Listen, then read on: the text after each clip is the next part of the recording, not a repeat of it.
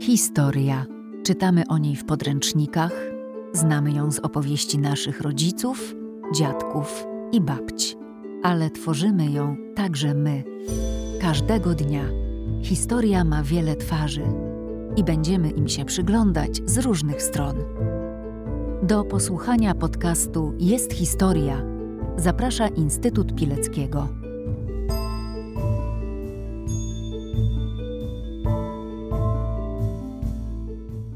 Odcinek pierwszy. Czego nie widać w Paulinowie? Na tej polanie, w której później raz tylko byłem z ojcem, tam przez kilkanaście lat nic nie rosło. Tam ta krew ludzka to była tak zbroczona, a krowy pasące się w lesie, to na tym miejscu wąchały i ryczały, przychodziły to miejsce, co tam ani ziółku nie rosło. Ta ich córka Stanisława przybiegła do mojej mamy, objęła ją za szyję i mówi, kochana Maniu, ty masz rodziców, a ja już nie mam. Niemcy zdecydowali się na swego rodzaju podstęp. Wykorzystali do tego mężczyznę, który podawał się za zbiega z transportu do Treblinki. Wieś Paulinów. Województwo mazowieckie, powiat sokołowski, gmina Sterdyń. Wpis z Wikipedii podaje: W okresie niemieckiej okupacji mieszkańcy Paulinowa oraz pracownicy tamtejszego folwarku udzielali pomocy żydowskim uciekinierom z getta w Sterdyni. W odwecie 24 lutego 1943 roku wieś została spacyfikowana przez niemiecką ekspedycję karną. Zamordowano wówczas 11 Polaków oraz trzech uciekinierów korzystających z ich wsparcia. Suchy opis. Bez emocji, bez twarzy. A jak wybrzmi ta historia, jeśli usłyszymy ją głosami ludzi, którzy są w nią uwikłani? I czy możliwe jest, że wiążą się z nią jakieś pozytywne wspomnienia? Odwiedzam Paulinów, a moim przewodnikiem jest Stanisława Maciak, wieloletnia mieszkanka Paulinowa. Czyli tutaj zwolnić i widzę Tak. Paulinów na prawo. Na prawo. Dobrze.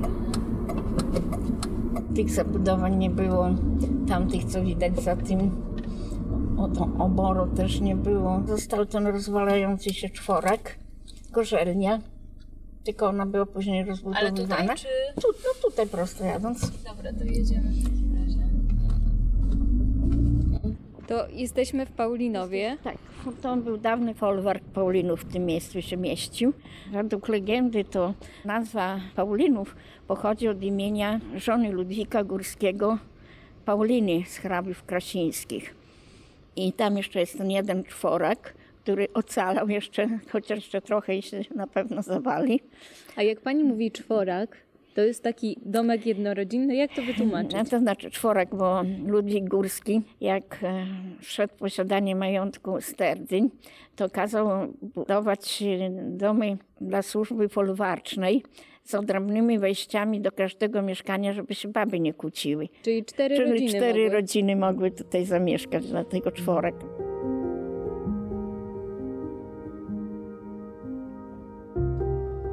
Paulinów, podobnie jak wiele innych polskich wsi, jest położony wzdłuż głównej ulicy. Choć jest środek dnia, nie przejeżdżają tędy samochody, a na podwórkach nie widać ludzi.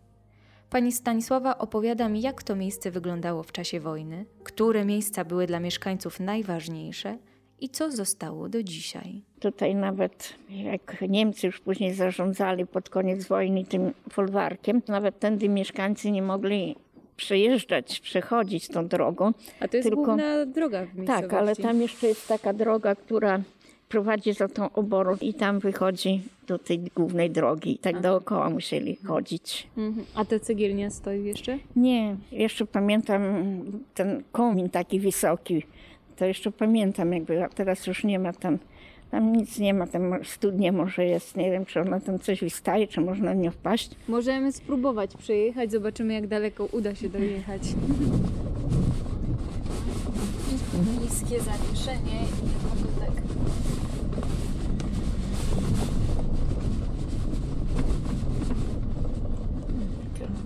No wie pani co? Nie wiem, czy będziemy ryzykować.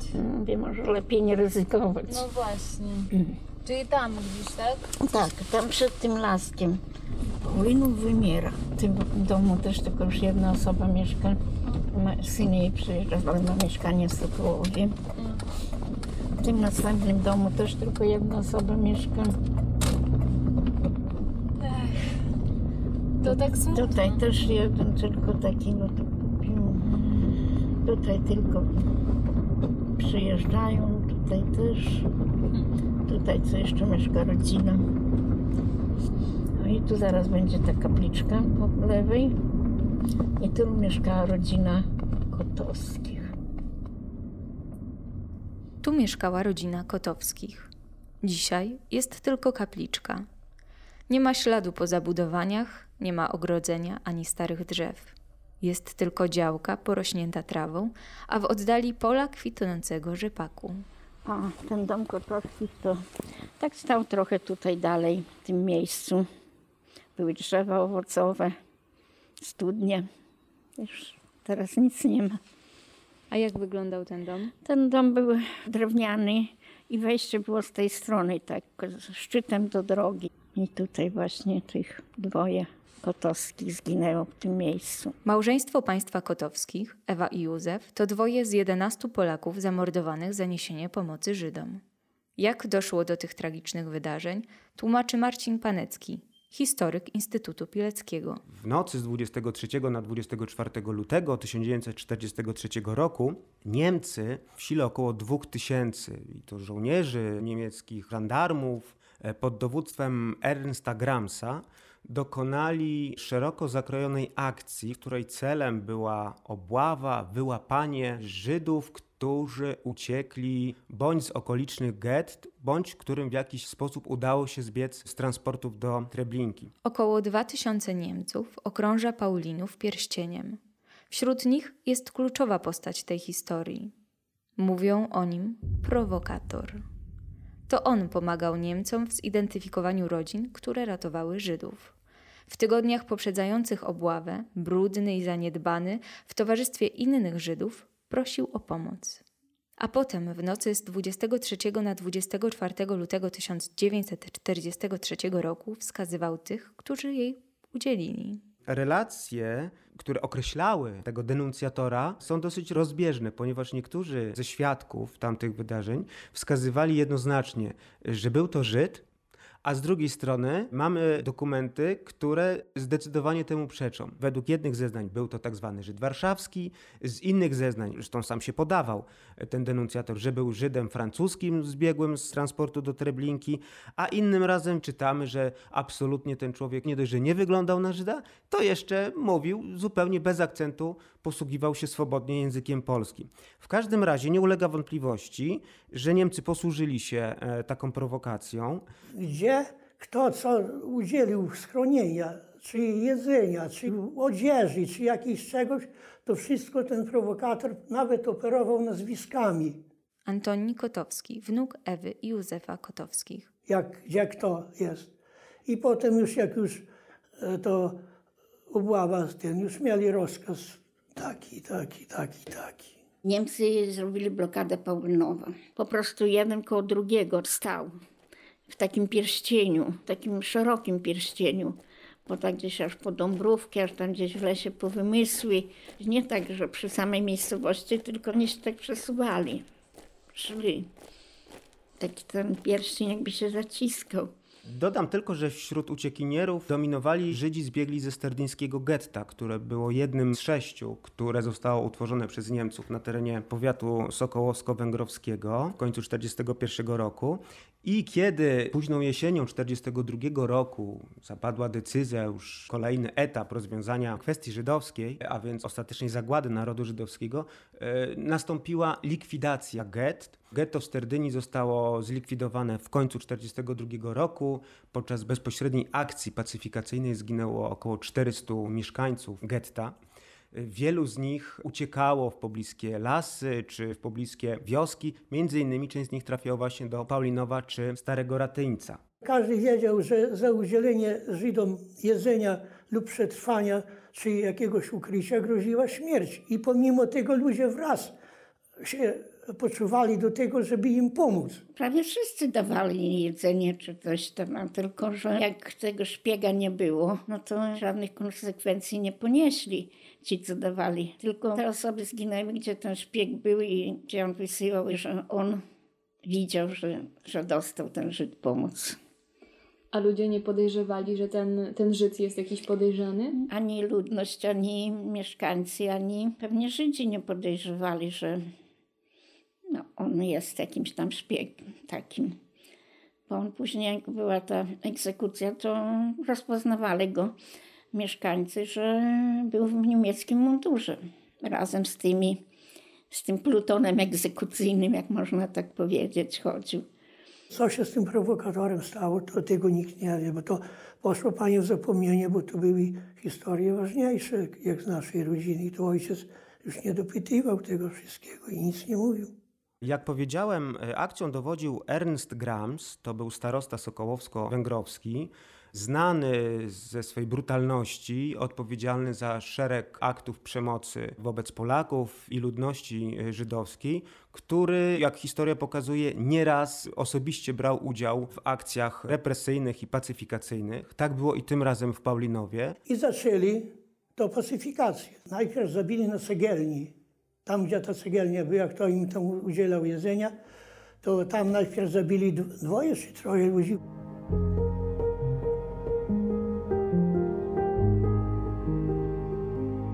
Nowicki Marian, lat 29, Dergazy Zygmunt, lat 26, Kotowski Józef, lat 56, Kierylek Franciszek, lat 59, Siwiński Jan, lat 46, Augustyniak Franciszek, lat 29, Piwko Stanisław, lat 30, Kotowski Stanisław, lat 25, Kotowska Ewa, lat 56. Nie mam tu Wiktorzak Aleksandry, bo, bo nie mamy jej aktu zgonu. W następstwie przeprowadzonej akcji pacyfikacyjnej życie straciło 11 mieszkańców Paulinowa i Starego Ratyńca. Wśród nich znalazło się małżeństwo Ewy i Józefa Kotowskich, którzy pomagali czwórce Żydów, jak e, wiemy z dokumentacji Głównej Komisji Badania Zbrodni Hitlerowskich w Polsce. Byli to Aaron, który był z zawodu rzeźnikiem, Ankiel, który był z zawodu szewcem i dwóch braci, braci Ruskielenkę, Szymel i Szlojmę, e, z którym Czesław Kotowski, który był jego kolegą jeszcze z czasów szkolnych, jak wspominał, siedzieli nawet we wspólnej ławce. Nazywam się Kotowski Antoni, jestem z trojga rodzeństwa Heleny i Czesława Kotowskich. Dziadkowie to był Józef i Ewa Kotowscy. Mieszkali w miejscowości Paulinów. Mieli ośmioro dzieci. Najstarszy był Jan, Władysław, Stanisław, Czesław i Kazimierz. I trzy córki. Marianna najstarsza, Anna i Stanisława. Mieli ośmiohektarowe gospodarstwo. Gospodarzyli na tym. A ponieważ dziadek był bardzo muzykalny, grał kiedyś na harmonii guzikowej, to wszystek ten talent prawie wszystkie dzieci objęły po dziadku. Także chłopaki grali na harmoniach i nawet dwie dziewczynki, te córki, dwie córki grały.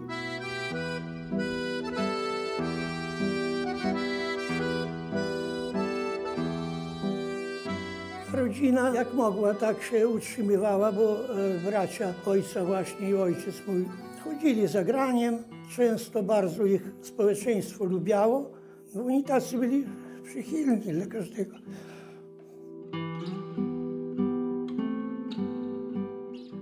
Zeznań składanych przed Główną Komisją Badania Zbrodni Hitlerowskich w Polsce wiemy nieco więcej na temat tych tragicznych dni w odniesieniu do rodziny Kotowskich. Tego dnia nad ranem Ewa Kotowska, przeczuwając coś złego, co, co ma się złego wydarzyć, namówiła swoje dzieci, żeby jakoś wcześniej tego dnia opuściły dom, żeby dwaj starsi bracia wybrali się wcześniej do pracy, a młodszy syn, żeby poszedł wcześniej do szkoły. I faktycznie, czytając relacje cudem ocalałej córki Stanisławy, wiemy, że po tym jak dzieci opuściły dom, część poszła do pracy w pobliskiej Gorzelni, najmłodszy Kazimierz poszedł do szkoły do Zambrowa, około siódmej rano kotowscy usłyszeli głośne walenie do drzwi.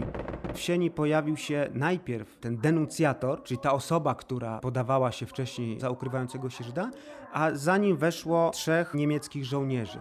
Od razu wyprowadzili Józefa Kotowskiego, zadając mu po drodze pytania, dlaczego ukrywa Żydów, dlaczego im pomaga. Józef Kotowski wszystkiemu zaprzeczał. No, Niemiec wyciągnął pistolet z kabury i strzałem w głowę zabił Józefa na miejscu. Podobny los spotkał za chwilę jego żonę Ewę, która również zginęła od strzału w głowę. W tym czasie przerażona mała, bo to 7 czy 8-letnia wówczas Stanisława, uklękła przed obrazem Matki Boskiej w pokoju i po prostu modliła się. Jeden z Niemców podszedł do niej, złapał ją za głowę i zaczął szarpać za włosy. No, modliła się o przeżycie. I w zasadzie już była przygotowana na to, że za chwilę padnie strzał, który będzie do niej skierowany, a za chwilkę drugi Niemiec powiedział, żeby dać sobie spokój. I faktycznie odrzucili małą Stanisławę na ziemię, rzucili ją i wyszli z domu. Ocalona pani Stanisława Witkowska z domu Kotowska tak po latach wspominała to wydarzenie. Czyta Stanisława Maciak. Oni zginęli za dobre serce. Rodzice wychowali ośmioro dzieci i wszyscy byli nauczeni, że nikogo nie można opuścić w biedzie. Każdemu, kto o to poprosi, trzeba dać jeść, czy zapuka do drzwi dziad, cygan czy Żyd, bo każdy jest człowiekiem i dzieckiem Bożym. Do naszego domu położonego na skraju wioski nieraz przychodzili Żydzi i prosili o jedzenie. Nigdy nie odchodzili z pustymi rękami. Doszło do tego, że mama zawsze gotowała więcej niż potrzebowała nasza przecież i tak bardzo liczna rodzina, bo a nuż ktoś się trafi. I potem, jak czytamy w zeznaniach, no Stanisława była całkiem zdezorientowana, rozpłakana, spanikowana, tylko pamięta, że potem wieczorem wrócił Czesław, który, żeby wejść do domu, musiał przestępować zwłoki rodziców, które leżały przed wejściem. Czesław, wspomniany przed chwilą, też cudem przeżył te tragiczne chwile, bowiem wyszedł z domu odrobinę wcześniej niż jego brat Stanisław skierował się do Gorzelni e, w Paulinowie i widział, e, mijał się w zasadzie z ciężarówką wypełnioną Niemcami. Dostrzegł również tego człowieka, który podawał się za zbiegłego Żyda. Ta ciężarówka go minęła i po pewnym czasie odwrócił się, żeby zobaczyć, sprawdzić, co się dzieje z jego e, bratem Stanisławem, który zdążył jeszcze wcześniej osiodłać furmankę.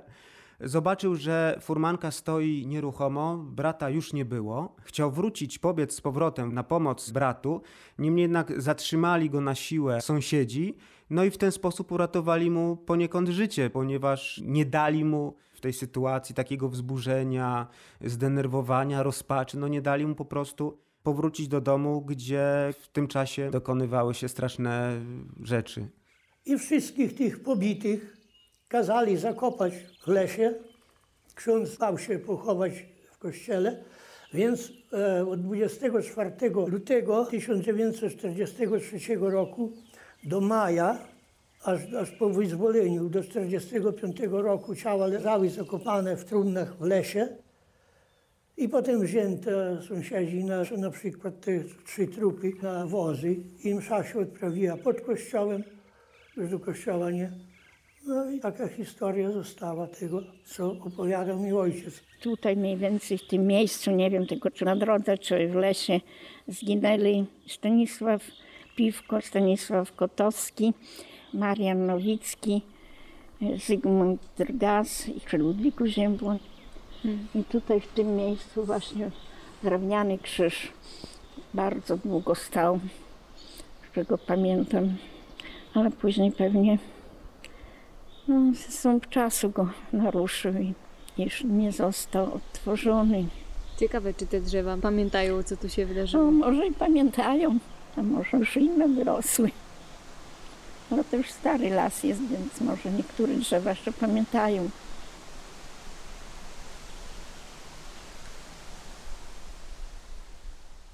Ojciec nie mógł tego opowiadać sam, to z żalem. Się serce krajało wszystko, jak to przenieść. A jak ci ludzie przenieśli to wszystko?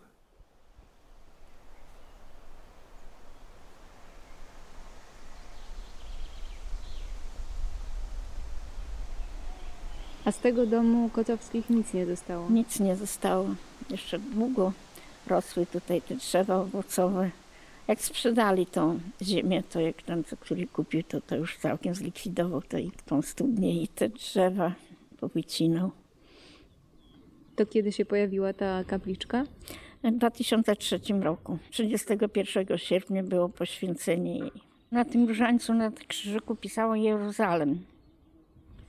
Ale No mówi już. pani, że nie, nie było w oryginale tego różańca. Nie, to w późniejszych latach, nie tak dawno on tu został zawieszony. Kilka lat temu pewnie, czy za dwa. O, już i ten świątek zaczyna zielenić. Jezus frasobliwy. Ojca wtedy nie było w domu, żeby był, to by byli tak samo zabili, jak i tego Stanisława. To u niego był zawsze uśmiech na twarzy. U niego był ten wyraz życia. Wyraz życia był na twarzy. A już po tym wszystkim 1948 roku ożenił się tu w Seroczynie. Tu przyszedł do mamy, do rodziny. I tu miał troje, nas było troje dzieci, dwóch synów i córka jedna, starsza, trzy lata i 10 lat jeszcze ode mnie, brat jest młodszy. To była bardzo rodzina muzykalna. Został ten talent po moim tacie i dla mnie, i dla następnego pokolenia, bo na przykład i mój syn jeszcze też już może mniej tego talentu, ale robił, bardzo lubi muzykę. A Stanisławy syn też gra, jeszcze żyje Mdek i też gra, dobrze gra na akordeonie, tak samo. A skąd pani to wszystko wie? Ja mieszkałam tam tyle lat, W Paulinowie. w Paulynowie.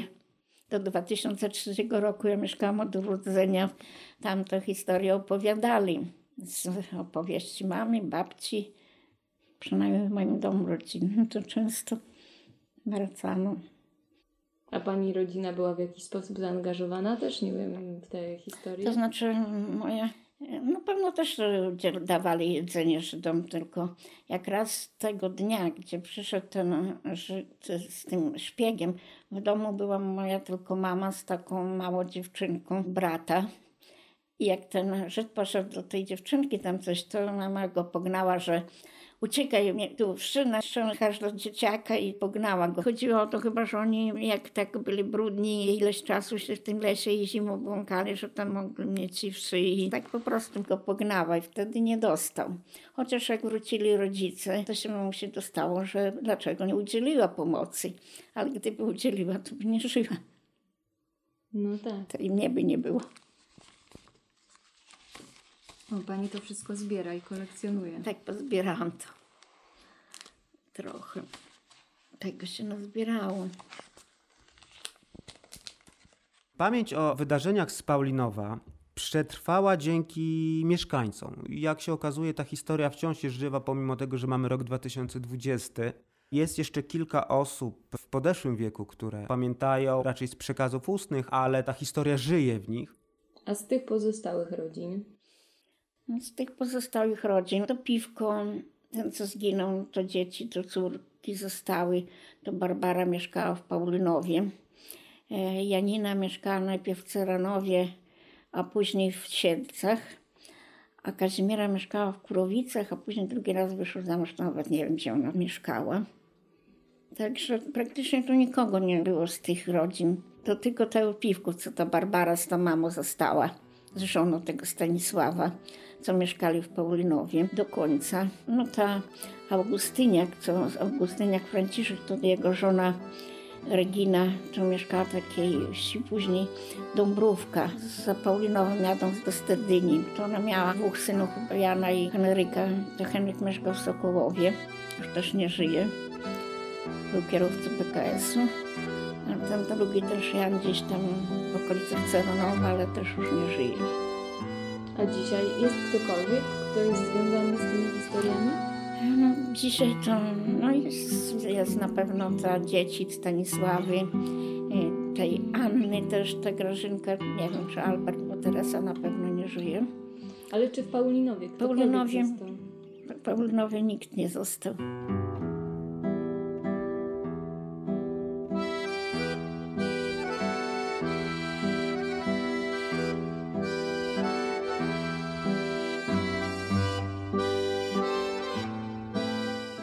Bardzo też chęć do muzyki i dostałem się do ogniska muzycznego w Sokołowie, do którego 6 lat dojeżdżałem.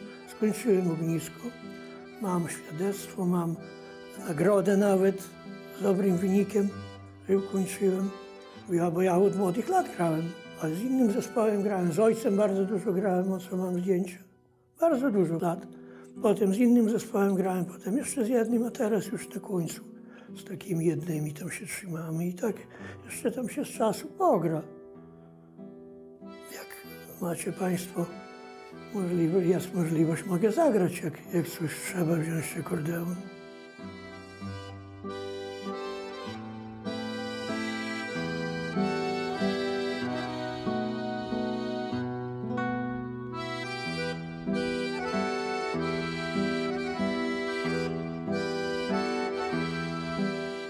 Mieszkańcy Paulinowa zostali upamiętnieni przez Instytut Pileckiego w ramach projektu Zawołani po imieniu.